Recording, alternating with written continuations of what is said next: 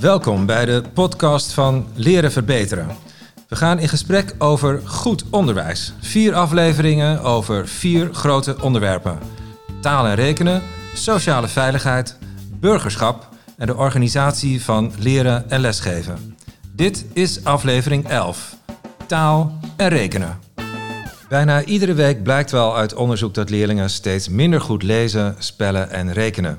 Dat stond ook in de staat van het onderwijs dit jaar en het blijkt ook uit internationaal onderzoek zoals uh, PISA. En dus stuurt de minister op meer kwaliteit in een masterplan en de inspectie controleert die kwaliteit nu extra goed. Maar hoe werken scholen eigenlijk ondertussen aan de kwaliteit op taal en rekenen? En wat is er eigenlijk aan de hand dat dat niveau steeds maar daalt? En vooral ook, wat kun je doen om het tijd te keren? Daar gaan we het over hebben met uh, Wilma Willems. Zij is expert op het gebied van het rekenonderwijs en ze werkt bij Onderwijsmens. Welkom Wilma. Uh, Marieke Pronk is er. Zij is taalexpert en werkzaam bij de talengroep. Goed dat je er bent. En met uh, George van El. Hij is interim manager in het onderwijs en ook adviseur bij Leren Verbeteren. Welkom allemaal. Ehm, ja, om met die eerste vraag misschien maar eens te beginnen. Um, iedereen luidt een noodklok, eigenlijk een ritueel en al jarenlang dat het steeds minder goed gaat met het taal- en rekenniveau van, uh, van leerlingen. Wat is er eigenlijk aan de hand naar jullie inzicht? Dat die resultaten maar steeds zo tegenvallen. Wilma? Ja, ik denk uh, dat het belangrijk is om te kijken of de uh, resultaten bij de leerlingen tegenvallen of dat die leerlingen wel het onderwijs gehad hebben wat zij nodig hebben om de beoogde resultaten te gaan bereiken. Dus het wordt heel erg gehangen aan kenmerken van leerlingen. Maar de vraag is of dat terecht is en of we daarmee ook de juiste informatie krijgen. Geven we niet goed onderwijs? Ik denk dat daar meer naar gekeken zou mogen worden. Of de stippen op de horizon die je voor ogen hebt bij, met leerlingen, vaardigheden die zij nodig hebben om de toekomst in te kunnen. Mm -hmm. uh, of wij daar in het onderwijs wel voldoende toereikend faciliteren en bieden wat die leerlingen nodig hebben om dat niveau te bereiken. En um, doen ze dat dan in uh, andere landen beter? Want als we in internationaal onderzoek dan minder goede resultaten laten zien, lukt dat in andere landen dan beter om aan te sluiten bij wat leerlingen nodig hebben? Marika? Ja, je ziet bij lezen uh, wel dat in andere landen het leesonderwijs er wel deels anders uitziet. Dat andere landen veel meer een leescultuur hebben uh, dan wij hier in dit land. Voor de andere vaardigheden durf ik dat niet te zeggen, maar ik weet niet of het onderwijs daar beter is. Ik denk dat het onderwijs hier ook, hè, er zijn uh, echt wel veel goede docenten. Maar dat met name op die leesvaardigheid bij ons wel een soort toetsvorm is, onderwijsvorm is geworden, waarmee onze toetsvorm ook niet aansluit op wat PISA toetst bijvoorbeeld. Dus daarmee kun je ook afvragen of die uitkomsten van PISA misschien wel betere uh, meten of leesvaardigheid aan de orde is dan ons eindexamen. Maar dat is niet waar leerlingen aan gewend zijn. Dus toetsvorm is onderwijsvorm geworden, zeg je. Dus de manier waarop wij toetsen bepaalt de manier waarop wij onderwijs geven. Maar het is misschien niet de beste manier om echt te lezen, schrijven, rekenen te leren. Hmm. Nou, daar komen we nog uitgebreid op, denk ik. Wat je ook hoort, dan wil ik toch ook nog even uh, aan jullie vragen hoe jullie dat zien. Wat je dan vaak in kranten leest, is dat het, dat het allemaal minder wordt omdat um, kinderen kijken naar YouTube-filmpjes rekenmachientjes zijn overal en altijd. Dus die hele digitalisering van informatie, zal ik maar zeggen, maakt ook dat je minder hard nodig hebt dat je uit je hoofd kunt rekenen, of dat je foutloos kunt schrijven, of dat je heel makkelijk kunt lezen. Want alles staat in een filmpje uitgelegd. Mijn kinderen leren zelfs instrumenten bespelen met YouTube-filmpjes. Dus waarom die ouderwetse taal- en rekenvaardigheden? Je hebt ze gewoon niet meer nodig. Ja, daar weten we wel door dat intussen de leerlingen die parate kennis wel degelijk nodig hebben. Dus als je in het rekenonderwijs uh, terugkijkt in de historie, is er een periode geweest dat die aanname er was. Maar inmiddels weten we als een leerling die parate kennis niet heeft, de complexere uh, sommen niet kan maken, omdat het werkgeheugen simpelweg gewoon te vol zit.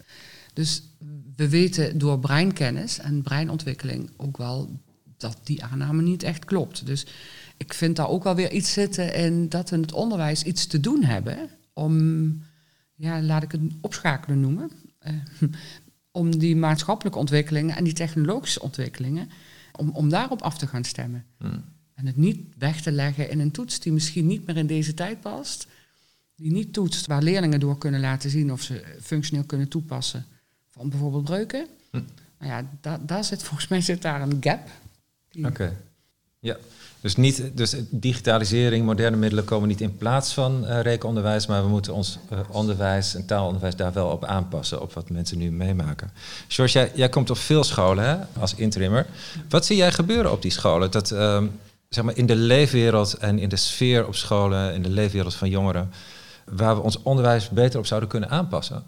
Ja, ik weet niet of ik dat nou als interim eh, heel eh, duidelijk zie. Ik zie wel hoe docenten daarmee omgaan. Dat daar een verschil is tussen scholen. Dat op de ene school zijn ze zich hiervan bewust. Terwijl op de andere school overkomt het hen eigenlijk van...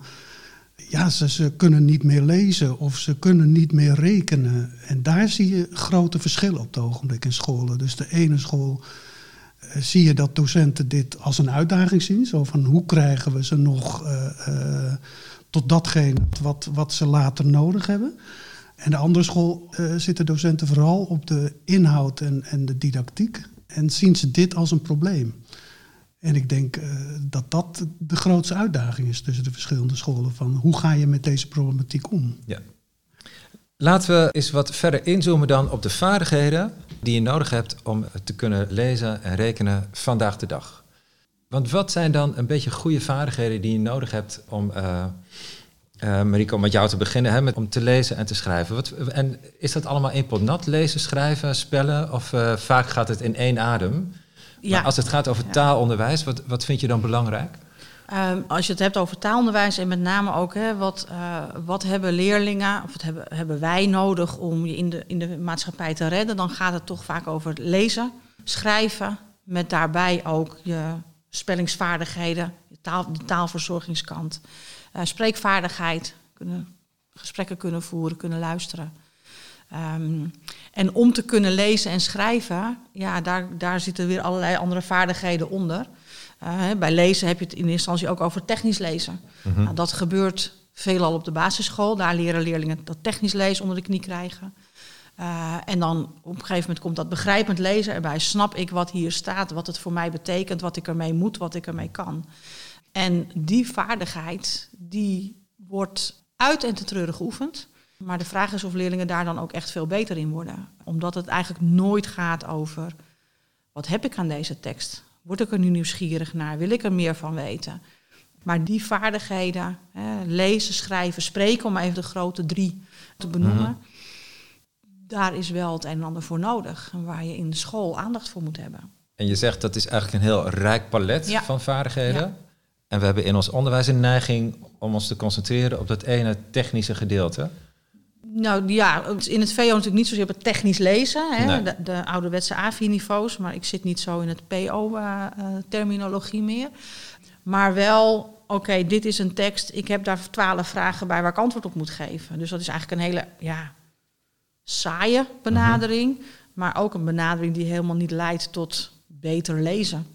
Ehm, terwijl ik nog steeds denk, nog steeds wel denk dat het kunnen lezen van teksten eh, een vaardigheid is die je nou, in ieder geval voorlopig nog wel nodig hebt. Hm. Eh, ook als leerling. Om überhaupt de paragraaf te snappen die je bij geschiedenis krijgt voorgeschoteld Ja. in het lesboek. Ja, en dat zie ik ook als ik als interimmer lessen bezoek eh, op scholen. Dat de lessen ook veel meer op tekst gericht zijn dan vroeger. En dan praat ik niet echt als een hele oude man. Maar er is wel een tendensverschuiving daarin. Dat het steeds taliger is, de lessen. Dus het begrijpend lezen, dat zit overal. En dat wordt ook eh, eh, door de verschillende docenten ook anders opgepakt. eh, hoe je dat doet. De ene gaat ervan uit dat ze dat kunnen. Terwijl de ander ze daar helemaal in meeneemt. En als je dan van les naar les gaat als leerling, is dat vrij ingewikkeld voor leerlingen. Van, hoe- wat wordt er eigenlijk van mij verwacht? Wilma, hoe, hoe ligt het met het rekenonderwijs? Dat is ook zo'n klassieke eh, kritiek trouwens op het rekenonderwijs. Hè? Dat het zo talig is geworden en dat het ook een belemmering is voor, eh, voor leerlingen. Herken je dat? Ja, ik herken die uitspraak zeer zeker. Ja. Vooral ook in de media. Ik hoor docenten ook zeggen. Ehm, maar wat ik daarbij denk is, is, hebben we dan goed met elkaar scherp wat nodig is om te leren rekenen? En wat is leren rekenen dan? Wat is het eigenlijk? Wat zijn nou, hè, wat Marike net schetste over waar we het over hebben als het taalonderwijs eh, eh, ter sprake komt. Wat is eigenlijk goed rekenen? Welke vaardigheden hebben we het dan over? Ik denk dat de commissie Meijering destijds, 2008, uh, daar heel goed onderzoek naar heeft gedaan. En die zijn tot de conclusie gekomen dat er vier domeinen te onderscheiden zijn. Mhm. En in die vier domeinen, getallen en bewerkingen, het grootste centrale domein is. Uh, onderscheiden van uh, het, het, domein verhoudingen en het domein meet- en meetkunde en het domein verbanden. En daarmee ja, in alle sectoren opeenvolgend voor leerlingen hetzelfde onderscheid te maken. Nou, dat moet ik zeggen dat ik dat nog steeds een sterk voorbeeld, een sterke voorzet vind. En een ander aspect daarbij. Kun je, wacht even, kun je iets zeggen over wat het verschil is tussen uh, het domein verhouden en het domein verbanden?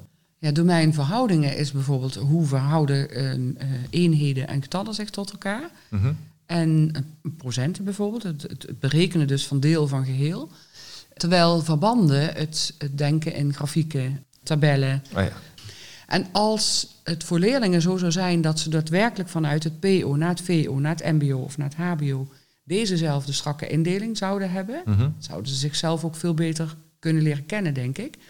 En daar geldt hetzelfde voor, want jouw vraag was het talige daarvan. Mm -hmm. Uh, als je naar het rekenen kijkt, naar de rekenvaardigheid, dan heeft een leerling parate kennis nodig. Baseer ik dus ook weer op die uh, rapportage van Meijerink. Maar ook functioneel kunnen toepassen. En weten waarom. En op het moment dat functioneel toepassen daadwerkelijk een vaardigheid is die je belangrijk vindt voor leerlingen, dan kun je niet volstaan met een kadersom. Dan is dat te weinig. Dan is dat uh, te eenvoudig. Uh, want in de werkelijkheid dus, dus dat 2F-niveau, zeg maar, dat Ja. algemeen maatschappelijk burgerschapsniveau, is het ook opge. Eh, eh, ja, daar zit de, dus de getallen zitten erin. Ja. En de sommen zitten erin en die zitten in de context. Dus leerlingen hebben dat niveau wel nodig. Ja. Dus of het te talig is, ja, als je het vanuit een bepaalde visie bekijkt, kom je tot die conclusie. Maar als je het vanuit een rekenvaardigheidsopvatting bekijkt, eh, om, om leerlingen functioneel gecijferd te laten worden, Mhm. dan krijg je dat. Dan kom je volgens mij niet tot die conclusie. Nee. Ja. Ik denk ook dat bij eh, rekenen, wat ik zie in lessen als ik ze bezoek, dan zie ik eh, vooral dat, eh, dat niet de talig het probleem is, maar vooral het, de verschillende aanpak van hoe je daarmee omgaat. Hoe bereken je een procent? Hoe ga je met centimeters en decimeters op? Ik zie het steeds anders uitgelegd door Ja. docenten. En op één dag hè, voor een leerling. Ja, en ik denk dat daar ook bij hoort dat als je bijvoorbeeld een, een economiedocent of een aardrijkskundedocent en een wiskundedocent op één dag eh, ontmoet als leerling, dan zou het zelfs kunnen zijn dat je dezelfde eh, verhoudingstabel op drie verschillende manieren ja. benaderd krijgt. Ja. En als je dan een leerling bent die minder eh, abstract kan leren denken en dat vermogen heeft, dan ben je aan het einde van de dag totaal in de war. En dat ligt dus ook al in de methodes. Hè? Het ligt niet alleen bij de docent, maar het Nee. ligt soms ook al in de methodes. eh, Ja. Zit dat ingebakken? Ja, en, dat, en daar denk ik, wat George zegt, dat dat ook terug te zien is in de, in de, ik denk inmiddels gepolariseerde discussie binnen het land. Dat we het niet met elkaar eens zijn wat we onder rekenen verstaan. Dus Mhm. eerder in dit gesprek vroeg je, wat is er in andere landen dan anders? Mhm. Ja, wij zijn een land waar, eh, ja, ik denk ook wel erg polderend bezig zijn met wat goed is. En we mogelijk, is mijn beeld, door heel veel door uitgeverijen laten bepalen wat leerlingen eh, voorgeschoteld krijgen. Eh, jullie zeiden eerder, ehm, de toetsvorm is de onderwijsvorm geworden. Dat, eh, daar moeten we het nog even over hebben. Hoe dat precies zit. Want je Ja. hebt, jullie hebben allebei nu voor de taal en rekenen geschetst van wat eigenlijk de, een, een heel breed palet van vaardigheden is. Hè? waar je aan zou moeten werken. En dat komt niet goed uit de verf in ons onderwijs, omdat we te veel, eh, ja, zoals dat dan heet, eh, teach you to the test. Hoe ziet dat er precies uit, Marike? Eh, de toetsvorm is een tekst waar je vragen over moet beantwoorden. En eigenlijk doen leerlingen, en ik chargeer een beetje hoor, gelukkig gebeuren op sommige scholen echt wel mooie dingen, maar je ziet dat leesvaardigheidsonderwijs vanaf de brugklas bestaat uit teksten lezen en vragen beantwoorden. Dat is ook hoeveel methodes het aanbieden. Eh, terwijl we weten uit allerlei onderzoek al jarenlang dat dat niet bijdraagt tot het vergroten van eh, leesvaardigheid. Wat zou je dan in je onderwijs beter kunnen doen om die vaardigheden te trainen? Ehm, ja, wij noemen dat vanuit de talengroep rijk lezen. Uh, dus dat betekent dat je allerlei dingen doet met allerlei teksten. Praten erover, erover schrijven, uh, tijdens het lezen dingen onderstrepen, om daarna een interview voor te bereiden.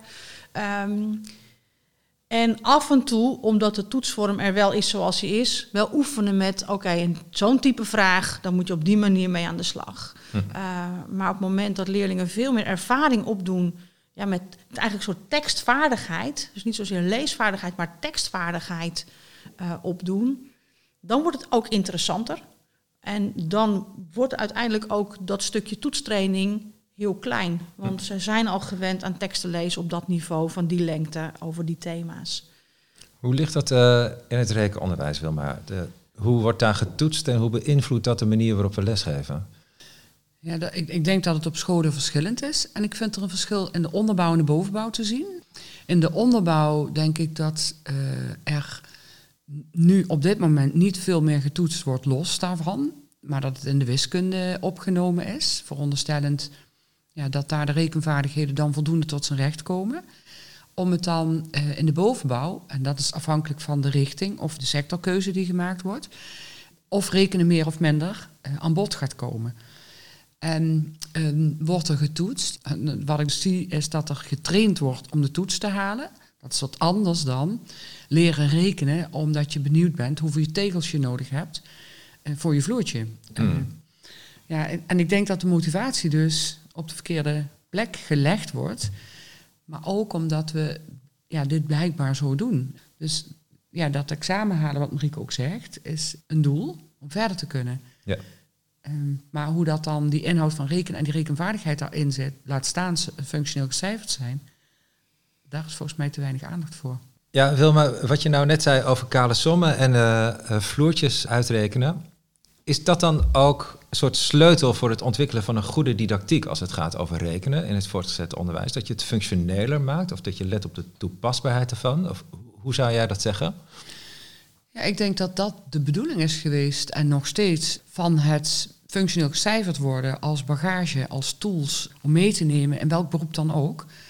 Dat, dat we daar beter naar zouden mogen kijken en dat het leren rekenen bestaat uit het uh, abstraheren van de praktijk. Dus van praktijksituaties en omzetten naar getallen. En ja, als leerlingen dat doorkrijgen, dan wordt het ook veel betekenisvoller. En dan is het niet, ik moet die rekensommen maken op dat digitale middel en uh, ik ga die afzetten tikken en oh, ik heb nu zoveel fouten. Dan gaat het ergens anders over. Dus hm. ik zou het heel erg terug willen brengen of ik gun leerlingen dat zij gaan ervaren van, oh, maar dit is ook rekenen. En uh, ja, ja, dat zij het ook zien als van dit heb ik in mijn beroep straks nodig. En dus ook in verschillende vakken dat rekenen een duidelijke plek geven. Ja, en dan hebben we bijvoorbeeld bij economie komt het natuurlijk uitermate veel voor. Bij aardrijkskunde komt het veel voor. En hoe fijn zou het voor de leerling dan zijn dat daar dezelfde taal gesproken wordt. En vanuit dezelfde um, uh, opvatting gedacht wordt. Dat het voor de leerling niet een ander hokje is waar ze iets anders horen en waardoor ze denken, hoezo? Maar het op elkaar aansluit. Ja. Dus als je bij natuurkunde naar een tabel kijkt en bij economie naar een tabel, dat je dan als docent ook van elkaar weet hoe je zo'n tabel uitlegt. Ja. Met dezelfde termen en op dezelfde manier, zodat je leerlingen helpt om een tabel te lezen. Ja, er zijn hmm. scholen, ik ken scholen waar ze dit goed doordacht hebben en dan vaker uh, voorkomt in het derde en het vierde jaar. Ja, waar leerlingen enorm baat hebben bij deze aanpak. Omdat zij niet moeten zoeken waar de overeenkomsten zitten, maar dat dat al voor ze bedacht is. Ja. Ja. ja. Hoe werkt dat in, uh, in het taalonderwijs, Marika? Nou ja, dat vanuit die contexten werken, dat zou ik ook wel bij leesteksten veel, of bij überhaupt bij taalonderwijs veel meer willen zien. He, dat het niet zulke losgezongen opdrachtjes zijn, maar uh, dat het gaat om de inhoud van zo'n tekst. Waar het bij economie, aardrijkskunde en natuurkunde vaak al aan de orde is maar ook de inhoud op een wat schoolse manier wordt gepresenteerd, zonder dat mhm. leerlingen daar zelf actief mee aan het werk gaan. Ja, dat zou dat bij, bij het vak Nederlands en bij al die andere vakken waar ze met teksten werken, als je die inhoud centraal zet en leerlingen daar nieuwsgierig naar maakt, uh, ze daarmee aan het lezen krijgt en ze daarmee ook kennis van de wereld laat opdoen, ja, dan krijg je, denk ik, veel betere lessen en meer gemotiveerde leerlingen die dan ook ontdekken, hey, het is eigenlijk best leuk om iets te lezen over, nou ja, vul maar in. En zeker als ze daar zelf ook een keuze in hebben. Hè, wat, ik moet een tekst lezen. Bij Nederlands gaan de teksten bijna nooit over het vak. Dus het maakt eigenlijk niet zoveel uit welke tekst je leest. Dus als ik dan als leerling uh, Max Verstappen fan ben, waarom mag ik dan niet een interview met Max Verstappen lezen? Waar ik iets mee ga doen. Om dan uiteindelijk richting die toets een keer te oefenen met die vragen. Dan maak je dat uh, maak je natuurlijk veel interessanter. Ja. Ja. ja, en ik zou er nog wel even op, op aan willen vullen dat het dan niet zo is dat je geen kadersommen hoeft leren rekenen, heeft, hoeft leren uitrekenen. Dus Mhm. die parate kennis, zoals we die straks noemden, die, die blijft nodig, maar binnen die betekenisvolle situatie. Dus dat je het als het ware uithaalt, maar ook weer in terugbrengt.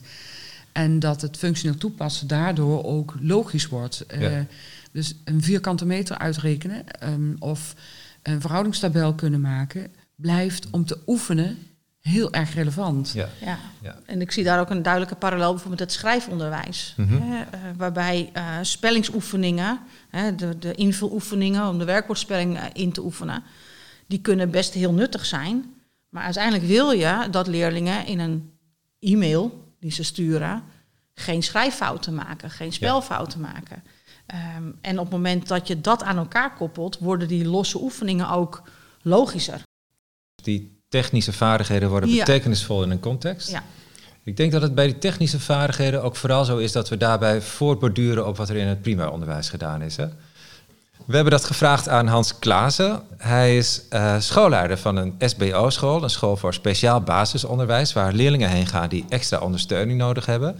En eh, Giel van der Heijden vroeg hem hoe daar het technisch onderwijs in eh, taal en eh, rekenen eruit ziet. Hoe stuur jij je team aan als het gaat om, om eh, taal- en rekenonderwijs dat zij verzorgen? Nou, wij hebben zelf een aantal meetinstrumenten. We hebben de klassenconsultaties om te kijken hoe mensen doen wat, zo, voor, zo wat we hebben, af hebben gesproken. Ik ga woensdag onaangekondigd met iemand van Rekenwijs gaan wij samen een aantal groepen bezoeken om te kijken hoe de nieuwe methode werkt, hoe ze hun lesje doen. Daar proberen we ook open en transparant over te praten zonder dat er eh, afgerekend wordt. Als je iets nog niet kan, is dat geen schande. Het meest interessant, Giel, vind ik de jaarlijkse analyse van opbrengstgericht werken. Dus dan hebben we alle klassen in kaart gebracht. En hebben de, de leer- en vormingsgebieden van rekenen, begrijpend lezen en technisch lezen natuurlijk. En dan kijken we uiteindelijk bij de opbrengsten, want we hebben een, eh, een, een, een analyse gemaakt. Hoe hebben de kinderen het gedaan? Wat zijn de opbrengsten van de leraar gemiddeld? Kun je ook uitrekenen. Uh, en daar hebben we samen het gesprek over. En dan maken we een analyse van. En die worden eerst in de bouwen besproken met elkaar. En dan komen ze zelf ook nog met allerlei opmerkingen over. Ja, maar je moet die analyse moet je anders bekijken. En dan zie je hoe verdomd het moeilijk het is. Maar het belangrijke is dat het gesprek erover is. De, de, de zoektocht, hoe komt het nou dat dit de, de opbrengsten zijn van kinderen? Nou, en dat komt zelfs tot aan, uh, Giel, het, het testen toe, hè, toetsen toe.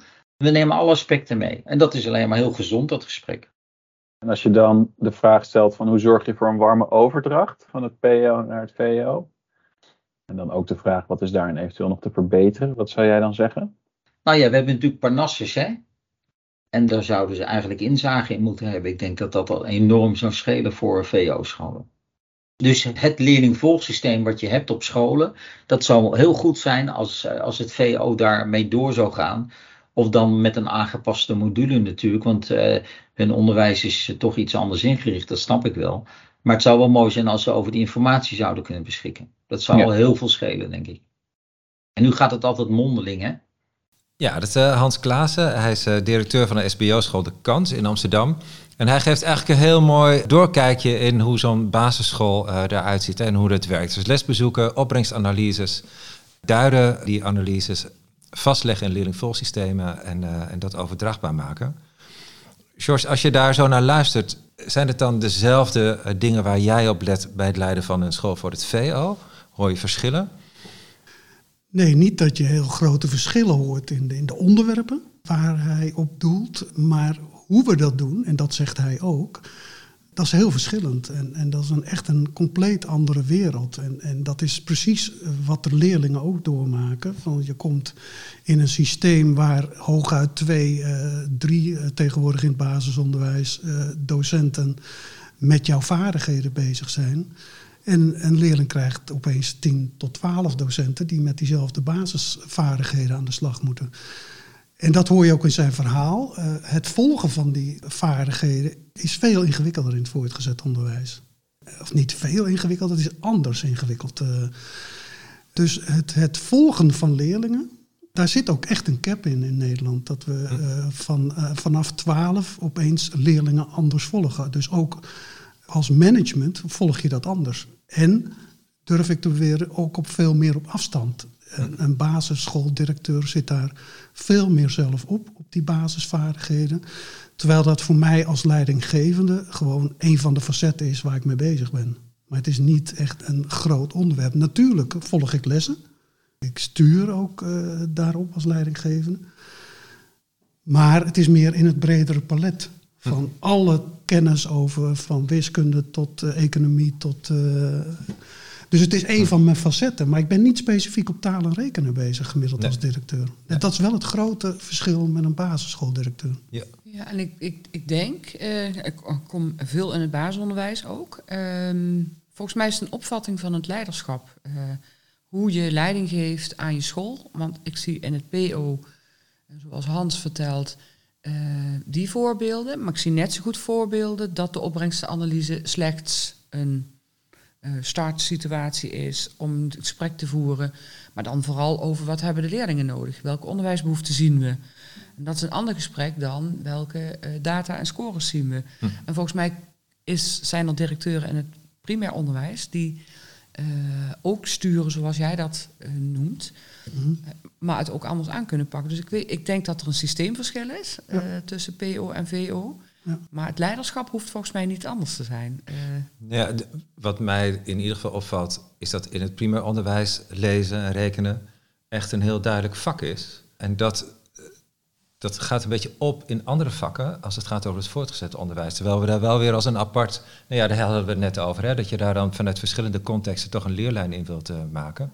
Dat maakt het op zijn minst een beetje diffuser. Lijkt me, om daar specifieke nou, opbrengsten uh, over ja. te meten. Ja, en ik denk dat dat wel een gevolg kan zijn van wat we landelijk niet op orde hebben in mijn beleving. Mm. Waar nu ook uh, SLO weer mee bezig is om toch opnieuw uh, die doorgaande inhoudslijnen ja. met aanbodsdoelen te formuleren. Ja. dat is denk ik voor Nederlands beter gelukt al tot nu toe dan voor rekenen. Is dat zo, Marika? Um, dat denk ik, ja. Ik zit daar nog niet helemaal diep in, maar je ziet wel dat die uh, vakvernieuwingscommissie nu heel druk bezig is, voor meer vakken overigens, uh, met de vernieuwing van de kerndoelen en de eindtermen. Dan heb je het over aanbod. En wat Hans suggereert is dat we ook zeg maar, de uh, leerresultaten van leerlingen en het leerlingvolsysteem beter overdraagbaar maken. Zien jullie daar vanuit vakdidactiek gedacht ook iets in? Zou dat, zou dat alles beter maken of makkelijker? Um, nou, volgens mij worden er al wel gegevens gedeeld en komen die ook terecht in de leerlingvolgsystemen die in het VO gangbaar zijn. Alleen wordt er weinig mee gedaan. En hm. weten docenten in het VO ook niet zo goed wat het betekent. Uh, als er een DLE-score staat, dan weet een docent Nederlands soms nog wel dat dat iets zegt over het leesniveau. Ja. Maar dat leesniveau is ook bepalend bij hoe makkelijk of moeilijk jij een vak als aardrijkskunde vindt in de brugklas. Maar die aardrijkskundedocent heeft geen idee nee. dat die informatie er is. En als hij dat al weet, wat die informatie betekent en wat hij daarmee moet in zijn vak. Dus daar ligt nog wel een, uh, een kans. Ja, en ik denk als je, als je, als je dat bekijkt vanuit rekenen, dan, dan zeggen toetscores maar eerlijk gezegd niet zo heel veel. Mm -hmm. uh, gaat een leerling over naar een school waar rekenen en wiskunde valt, dan zegt het helemaal weinig. Want ja, iedereen kent er denk ik al de voorbeelden dat kinderen die goede rekenresultaten laten zien in het primair onderwijs, het voortgezet onderwijs, opeens uh, vragen hebben rondom wiskunde en andersom. Dus ik denk dat ik denk dat vooral de inhoudelijke doorgaande lijn uh, niet goed op elkaar afgestemd ja. is. Ja. We hebben nu wel ineens het hele systeem op tafel. Hè? Dus, uh, uh, hoe praten we hierover met ja. leraren? Ja. hoe volgen we leerlingen precies? Hoe zorgen we voor een beetje doorlopend aanbod? Ook over vakken heen in het voortgezet onderwijs. Hoe stuurt Sjors dat allemaal aan als hij op die scholen rondloopt? Ja. Maar dit is wel waar het allemaal op aankomt. Hè? En het is misschien leuk ook, we hebben ook aan een inspecteur gevraagd hoe zij hier nu op controleren. Want dit is precies wat we aan het begin van het gesprek zeiden. De inspectie gaat erop toezien. Uh, ja, waar dan op? Uh, nou, hierop. En Giel van der Heijden sprak daarover met Martijn Vroom. En hij is inspecteur voor het voortgezet onderwijs. En hij legt uit hoe de inspectie toeziet op dit hele gedoetje met leerlingen, aanbod, vakken, aansturing. Nou, laten we even luisteren. Hoe toetst de inspectie op dit moment op taal- en rekenvaardigheden? Nou, wij betrekken uh, zowel taal als rekenen in uh, onze onderzoeken. Uh, meer nadrukkelijk dan eerder. En wat wij dan willen weten van besturen is welk beleid ze voeren. Dus hoe ze nou ja, uiteindelijk leerlingen in staat stellen om zich te verbeteren in taal en rekenen, maar ook gewoon een bepaald niveau te behalen als dat nog niet gerealiseerd is. En wat voor instrumenten gebruiken jullie daarvoor? Ons uh, instrument dat wij gebruiken om toezicht te kunnen houden, dat is het onderzoekskader. Het onderzoekskader is opgebouwd uit een aantal standaarden. En onlangs hebben we het onderzoekskader een beetje gewijzigd. En dat maakt dat in de standaarden voor kwaliteitszorg, dat zijn er in totaal zes, dat daar heel expliciet is opgenomen dat we verwachten van scholen dat zij duidelijke doelen stellen op het gebied van taal. Dat zij zorgen dat er uitvoering wordt gegeven aan het beleid. En dat zij vervolgens ook nagaan of de gestelde doelen gehaald worden. En vervolgens natuurlijk ook bijsturen als die doelen niet worden gehaald. Door te kijken wat er nog nodig is om uh, kinderen op het uh, juiste niveau te krijgen. Dit geldt even goed voor het rekenen. Heb je daar een voorbeeld van? Bijvoorbeeld nou ja, wat wij dan noemen BKA2. Dat is een standaard voor kwaliteitszorg die gaat over uitvoering en professionele cultuur. Die gebruiken we ook om na te gaan of er goed uitvoering wordt gegeven aan nou ja, het beleid op taal en rekenen. Inspanningen zijn belangrijk, maar uiteindelijk moet het ook leiden tot het gewenste effect. En die relateren we dan weer aan de uh, doelen die hopelijk gesteld zijn op het gebied van uh, taal en rekenen.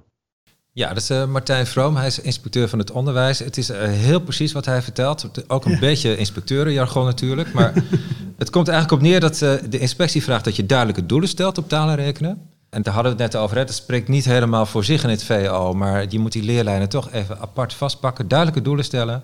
Daar moet je dan ook echt werk van maken. Je moet ook checken of uh, leerlingen die doelen halen. En als dat niet zo is, dan moet je iets anders verzinnen. Dat, dat is uh, eigenlijk wat hij in de kern zegt. En hoe doe jij dat nou, uh, George, als jij zo'n school binnenwandelt en je, je merkt op de een of andere manier dat je hier iets op te doen hebt? Hoe maak je nou op een VO-school zo'n plan dat aan dit perspectief voldoet? Wat ik vooral merk als ik binnenkom op een school, want ik kom natuurlijk altijd op een school binnen als er wat aan de hand is, zeg maar, als interim. Dan is voor mij taal- en rekenbeleid wel een van de onderwerpen waar ik altijd naar kijk. Hm. Van wat hebben ze daar eigenlijk mee gedaan? Precies zoals de inspecteur uh, schetste net. Waar staan ze? Uh, is het een document wat ergens in een kast ligt? Uh, of merk je aan als je lessen bezoekt, want dat doe ik al vrij snel als interim dat het ook uh, een levend document is, dat er ook op die manier mee gewerkt wordt, hè, zoals de voorbeelden net al geschetst werden, uh, hoe je daarmee om kan gaan. Uh, want het is een van de indicatoren van heeft een school zijn beleid überhaupt op orde. Want taal- en rekenbeleid zie ik als interim niet los van alle andere beleidstukken. Het is, als je ergens begint met de verbetering van je onderwijs, -hmm. dan kan je beginnen met taal- en rekenbeleid. Maar je kan ook een ander onderwerp aanpakken als school. En dan moet je op een gegeven moment ook het taal- en rekenbeleid aanpakken. Want zonder het aanpakken van taal- en rekenbeleid voer je uit als school wat je moet doen, maar dan ben je niet visierijk bezig. Maar waar begin je dan? Want we zeiden net al, uh, het, het, gaat dwars door alle vakken heen. Ja. Dus je hebt alle secties nodig. Uh, je moet verschil maken tussen onderbouw en bovenbouw. Ja. Je moet die leerlijn uh, op tafel krijgen. Je moet ook checken hoe in al die secties dan leerlingen hier een beetje opgevolgd worden. Klopt. Dus het is uh, misschien een heel basale leerlijn, maar het is wel een van de meest complexe in een, in een gemiddelde VO-school, lijkt me. Dus hoe, ja, hoe nee, pak je dat dan aan? Waar ja. begin jij dan? Nou, dat is waar we het net over hadden, dat je daar met heel veel docenten mee bezig moet zijn. En dat haal je ze dus... bij elkaar, zit je ze in een lokaal, geef je ze een opdracht, ga je eerst luisteren. Nou, het eerste wat, wat ik als interim doe, ja? is kijken wie is hier eigenlijk eigenaar van dit proces. Van dat ben jij, het... want jij bent de baas. Nee, nee, nee. nee. Oh. Daar is, als het goed is op een school, iemand uh, in, in zo'n school proceseigenaar voor het rekenbeleid. Okay. Dat is voor mij al een van de indicatoren. Is er een proceseigenaar op taalbeleid mm -hmm. die collega's meeneemt in dit facet? Want als dat bij, bij mij als directeur ligt, ofwel bij de directeuren die ik vervang op dat moment dan ligt het eigenlijk al op het verkeerde niveau. Want echte proceseigenaar moet gewoon bij een van de docenten of coördinatoren, uh, hoe Mhm. je mensen ook wil, welke rol ze ook hebben. Maar het proces moet ergens een eigenaar hebben. Dat ben ik niet als directeur. En dat is misschien wel het verschil met een basisschoolonderwijs, hè, waar we het net over hadden. Eh, die is soms ook proceseigenaar van taal of rekenbeleid. Eh, maar ik ben als directeur eh, voor, voor alle facetten verantwoordelijk. En het is voor mij van belang dat ik op heel veel facetten proceseigenaar heb. Ja, ja oké. Dus dat is voor mij het eerste. Dat is stap Eh, één. ja, dat is voor mij als interim het belangrijkste. Ja, Want dat als, als dat Ja. niet goed belegd is, dan weet ik dat ik daar eerst aan moet werken. Ja. Nou, dat, dan gaan we eh, naar eh, Marieke en Wilma toe natuurlijk. Want eh, dan vanuit het vak gedacht. Laten we even zeggen dat jullie dan op de plek zitten nu even van de taal- en rekencoördinator in een school. Wat doe je dan om beleid op je eigen vakgebied van de grond te krijgen? Ja, voor mij is het heel belangrijk om, om in een school dan ook te bekijken wat is beleid. Dus is beleid hoe we het doen nu? Ik denk dat veel belangrijker is om, om de kwaliteitscyclus eromheen. Dus de kwaliteit van het onderwijs en de opbrengsten die je voor ogen hebt. Maar dat, daar hoort visie bij. Ja, maar Wat wacht. Stel, we zitten, we zitten ergens in een VMBO-school, basiskader, TL. Dat is allemaal aan de hand. We zitten met zes vaksecties die zeggen van ja, ja, ja dat klopt eigenlijk wel. eh, we doen van alles, maar het is niet erg op elkaar afgestemd. In de praktijkvakken gebeurt het een en ander. Wiskunde doet iets. Mensen zitten een beetje verlegen naar elkaar te kijken. Jij geeft je voorbeeldje over die tabel, die op vier verschillende manieren gelezen wordt. Hoe krijgen we hier een plan op? Ja, Wat ik doe je dan? echt met een visie beginnen. Mhm. Wat verstaan wij onder rekenvaardigheden? En wat beogen wij met onze leerlingen om 2F te realiseren in dit voorbeeld? Ja. En, en wat hebben de leerlingen nodig van ons in de verschillende vakgebieden en als, als doorgaande lijn om dat 2F te gaan bereiken, waar ze ook nog trots op kunnen zijn als het aan mij ligt. En daar begint het dan, want an- je, moet eerst iets gemeenschappelijks hebben en met elkaar ook weten waar je dan aan toetst. En volgens mij komt daarna een curriculum. Eh, en dan ga je in kaart brengen wat gebeurt er op de verschillende plekken. Eh, waar komen de leerlingen eh, mee in aanraking en wanneer verwachten we wat? Dus ik zie dan voor me dat een curriculum over de vier jaar gaat in dit voorbeeld. En dat er een knip komt tussen de onderbouw en de bovenbouw. Mhm. Wat, ehm, ja, welke vaardigheden zitten er in de onderbouw verwachten we en, waar, en wat gaan ze dan in de bovenbouw mogen toepassen, moeten toepassen? En dit ontwerp je als school samen, hè? Dit staat niet in een methode ergens. Nee, nee, nee, want als je het van de methode af laat hangen, Mhm. dan neem je over wat de uitgever of de auteur eh, ergens achter een bureau heeft zitten bedenken voor de gemiddelde leerling. Ja. Dus ik zou dat al nooit doen, maar het kan natuurlijk wel zijn dat als je dan je ontwerp hebt en je hebt je doorgaande lijn en je weet wat je, eh, welk hulpmiddel je nodig hebt, dat, dat, dan, dat daar dan een methode bij past. Prima. Ja. Maar niet andersom, denk Nee. ik.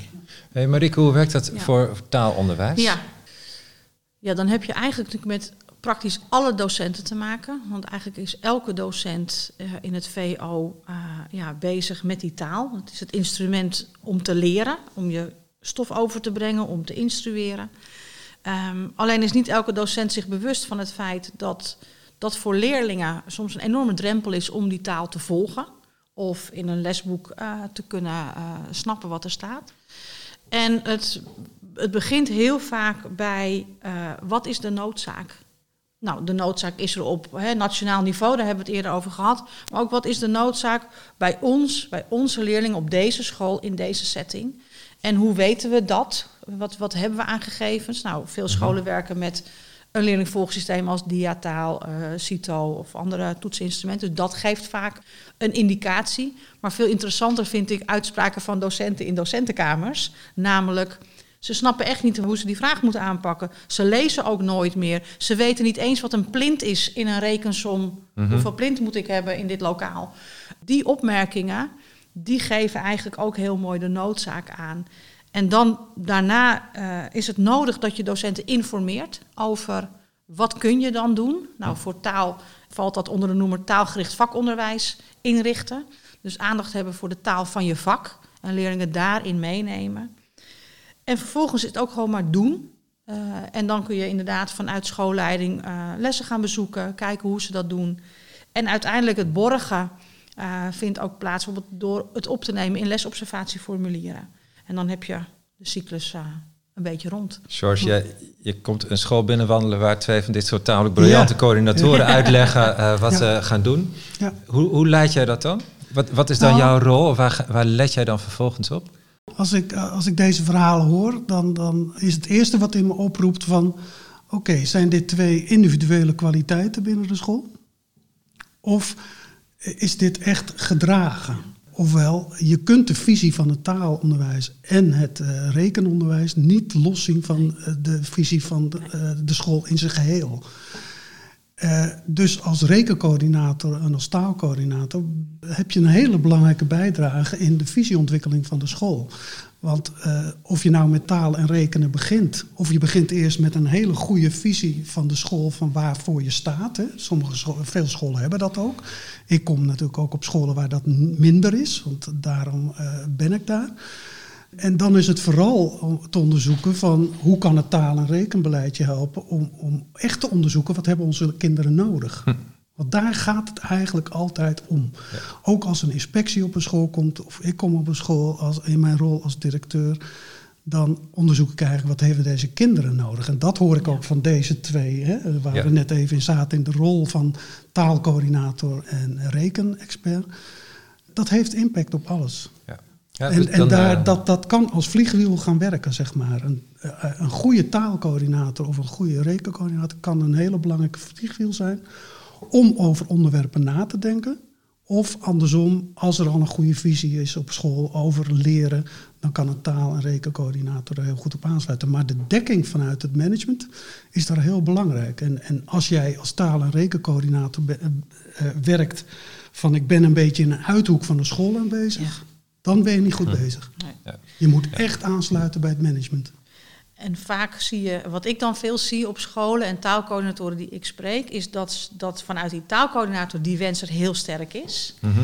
Maar dat ze eh, tegen dichte deur aanlopen bij het management. Juist. Zeggen ja, maar we hebben het, en dan even een beetje plat gezegd, ja, we hebben het bij jou weggezet, regel het. Ja. En dan weten we, dan, Dan werkt het niet. Nee, dus een betrokken schoolleiding, dat zal voor het rekenen ook gelden, is waanzinnig belangrijk. En wat we ook zien is eh, in scholen waar ze hier al, het is ook niet nieuw hè, het bestaat al 15 jaar, misschien al wel langer. eh, scholen die het al redelijk succesvol hebben eh, geïmplementeerd, zie je dat er vaak ook een werkgroep is of een stuurgroep waar een vertegenwoordiging is van de verschillende vakken, van de verschillende clusters. En dat zijn wel twee elementen om, hè, in mijn geval dan taalbeleid, succesvol op een school te krijgen. Dat is die betrokken schoolleider. En een werkgroep met een vertegenwoordiging van de verschillende clusters. Ja, en wat, wat ik nu bedenk, nu ik hoor dat dan. Ik hoor ons eh, het vooral hebben over hoe het systeem is opgebouwd en wat je voor verschillende structuurelementen hebt. Wat, wat ik denk dat ook erg belangrijk is, hoe kijk je naar leerlingen en hoe kijken wij eh, naar het onderwijs? Dus ik moet denken aan dat self-fulfilling prophecy denken. Als wij met z'n allen vinden dat ze het niet meer kunnen, dan gaan ze het ook niet meer kunnen. Want dan gaan we elke dag, volgens mij, met die gedachten en met die eh, ja, non-verbale communicatie eh, laten zien dat ze het niet meer kunnen. Mm.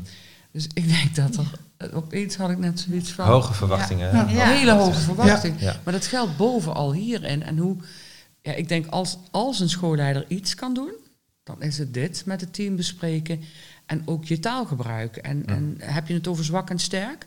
Of heb je het over welke onderwijsbehoeften hebben deze leerlingen? Ja. Dat zijn andere manieren Dat, van. dat onderschrijf ik. Oh, Ja, en dan, nou ja, dat deed je er net ook al in je, onder, eh, in je antwoord. Hè? Eh, en dan zijn we ook terug bij af. Eh, want we begonnen dit gesprek met eh, de vraag: wat gaat er nou eigenlijk mis in dat taal- en rekenonderwijs? Dat we daar zo druk mee zijn en ons zo zorgen over maken. En toen zei je, eh, volgens mij zei jij het ook, Wilma. Ergens missen we de aansluiting bij wat deze leerlingen nodig hebben en de manier waarop wij het onderwijs ingericht hebben. En toen kwamen we erover dat we eigenlijk ons onderwijs inrichten op hoe de toetsen eruit zien. En eh, dat je heel andere vaardigheden, een veel breder palet aan vaardigheden zou moeten ontwikkelen. eh, die je vervolgens dan weer in je toetsen eh, kunt checken. En het laatste stukje van het gesprek hadden we het erover hoe je daar dan in die ingewikkelde context van een VO-school toch een beetje één beleid door je school heen kunt maken. Ik wil jullie eh, enorm bedanken voor eh, al je ideeën, inzichten, het harde nadenken over wat we in een klein uur te bedden hebben gebracht over uh, een van de meest in het oog springende kwesties in het VO vandaag de dag. En uh, me dunkt, we zijn weer wat wijzer. Dankjewel. Graag gedaan. Graag gedaan. Dit was een podcast van Leren Verbeteren. Leren Verbeteren is een project van het ministerie van OCW, uitgevoerd door onderwijsadviesbureau BNT. Vond je dit interessant? Check dan ook de show notes van deze aflevering en onze andere podcasts op projectlerenverbeteren.nl slash podcast. Tot de volgende keer.